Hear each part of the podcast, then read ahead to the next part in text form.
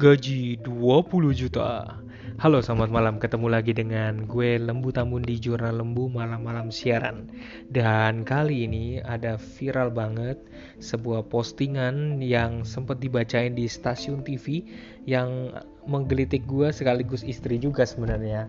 Jadi gue langsung bacain aja pasti lo tahu ini apa hashtag yang lagi viral ya tentang uh, gaji 20 juta. Sedikit curhat, saya seorang karyawan swasta di Jakarta, gaji saya 20 juta per bulan.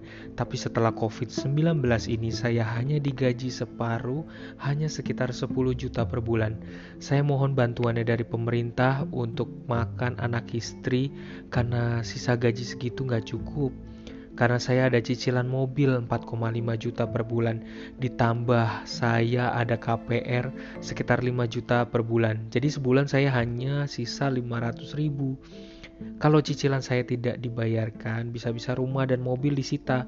Itu nggak cukup untuk susu anak saya. Mohon pemerintah perhatikan kami rakyat kecil yang sampai saat ini belum dapat bansosnya. Terima kasih. Wow, kalau gaji 20 juta mm, menyebut dirinya adalah rakyat kecil, gimana yang mereka gajinya kecil banget atau cuma dapat upah doang? Itu rakyat apa namanya? Rakyat tak kasat mata, iya kan? Sedih juga sebenarnya. Dan ternyata postingan ini uh, menjadi sebuah diskusi di komunitas saya, komunitas cerdas finansial, di mana mentor saya juga memberikan pendapat ya. Dan gue langsung bacain aja uh, tang beberapa tanggapan dari diskusinya nih hari ini ya. Kebetulan hari ini tanggal 14 jadi gua memang lempar gambar ini terus kemudian jadi diskusi di pagi hari dan dan heboh banget gitu ya gara-gara postingan ini ya. Jadi uh, mentor gue ada dua mentor. Mentor yang pertama bilang ini nah ini kembali menjelaskan bahwa literasi keuangan yang rendah di masyarakat bahkan orang yang berkelompok gaji tinggi aja juga berarti lemah sebenarnya literasi finansialnya ya. Tidak berarti orang yang gaji gede itu ngerti gitu. Terus kemudian dia menuliskan satu kemungkinan besar karena masalah dana darurat dana darurat itu harusnya menjadi first plan uh, first life plan yang harus dipenuhi sebelum investasi untuk life plan yang lain jadi dana darurat ya biasanya minimalnya tiga kali da, eh, apa pengeluaran bulanan. Dua, masyarakat kita cenderung ingin instan untuk peroleh kenikmatan. Makanya utang menjadi andalan sementara ilmu berhutangnya masih minim, tidak tahu ada utang baik dan utang buruk.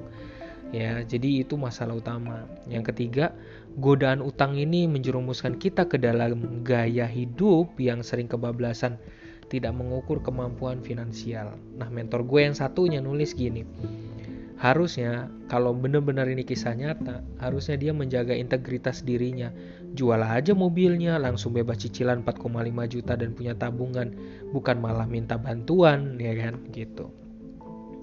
Nah, akhirnya jadi heboh, jadi diskusi kami lanjut ya. Di sini gue juga posting soalnya di Instagram ya. Jadi eh, langsung eh, ada yang komen Persoalan gaya hidup ini menjerumuskan banyak orang. Saya juga pernah mengalaminya, bahkan terjerumus sangat dalam. Dengan literasi yang cukup dan baik, kami menjalani gaya hidup yang sederhana. Jadi sebenarnya gaya hidupnya itu uh, ini aja ada bukti bahwa gaya hidupnya bisa bisa direndahkan gitu ya. Jadi bukan mengeluh dengan karena soal masalah gaji itu ya, tapi sebenarnya harus ditata ulang ya untuk hidup lebih sederhana lagi ya.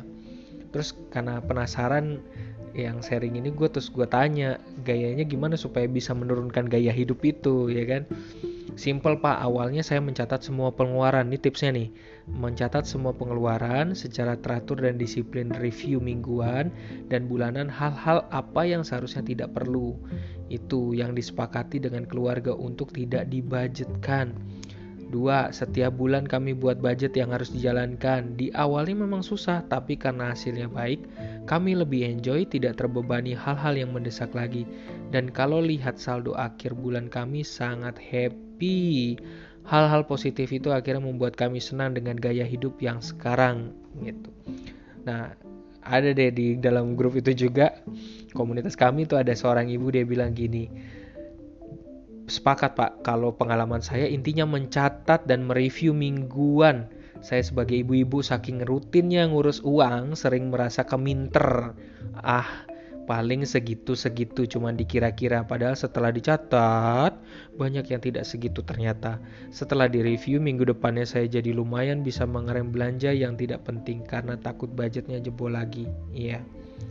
Dan yang menariknya ada yang nyambung lagi di anggota komunitas seorang ibu dia bilang betul bu rumusnya itu harus kompak sekeluarga lagi coaching nih untuk kelima pengurus bank sampah yang kurang mampu untuk rajin nyatet. Alhamdulillah setelah tiga bulan ada progresnya. Mereka nggak banyak jajan mulai transportasi beralih ke angkot dan gampang beli baju ya. Kadang suka miris loh jajan anak TK sekarang rumahnya sekitar rumah. Bahkan itu keluarga nggak mampu. Itu bisa loh 80 ribu sehari nggak bisa bayar SPP SD 25 ribu sebulan. Tapi anak jaj anaknya jajan itu 20 ribu sehari. Jadi bisa bayangin kan? Harusnya kan ada keprihatinan. Nah dari pengalaman ini dari gambar yang tadinya heboh ya yang lagi viral dengan hashtagnya gaji 20 juta ya sampai viral di TV dan juga termasuk viral di Instagram ya kesimpulannya adalah satu dana darurat harus punya ya Kedua, gaya hidup bisa diatur ulang kalau misalnya dirasa gara-gara dampak COVID ini membuat kita jadi kesusahan ya. E, ketiga, masyarakat kita tuh masih lemah literasi keuangan apalagi e, gampang banget terimingi dengan e, berhutang, suka banget untuk berhutang. Nah, ini bahaya banget ya. Jadi harus hati-hati dengan berhutang gaya hidup itu jangan dengan berhutang kemudian jadi bahagia gitu. Enggak justru malah dengan berhutang itu uh, harus ya ditepati dan uh, uh, sangat apa ya harus sangat disiplin ya. Jangan jangan besar pasak daripada tiang. Oke demikian dulu postingan gue tentang tanggapan gue tentang uh, kisah viral gaya hidup eh, gaya eh sorry maaf gaya hidup gaji 20 juta. Salam dari gue lembu tambun hanya di jurnal lembu. Saksikan part 2 nya thank you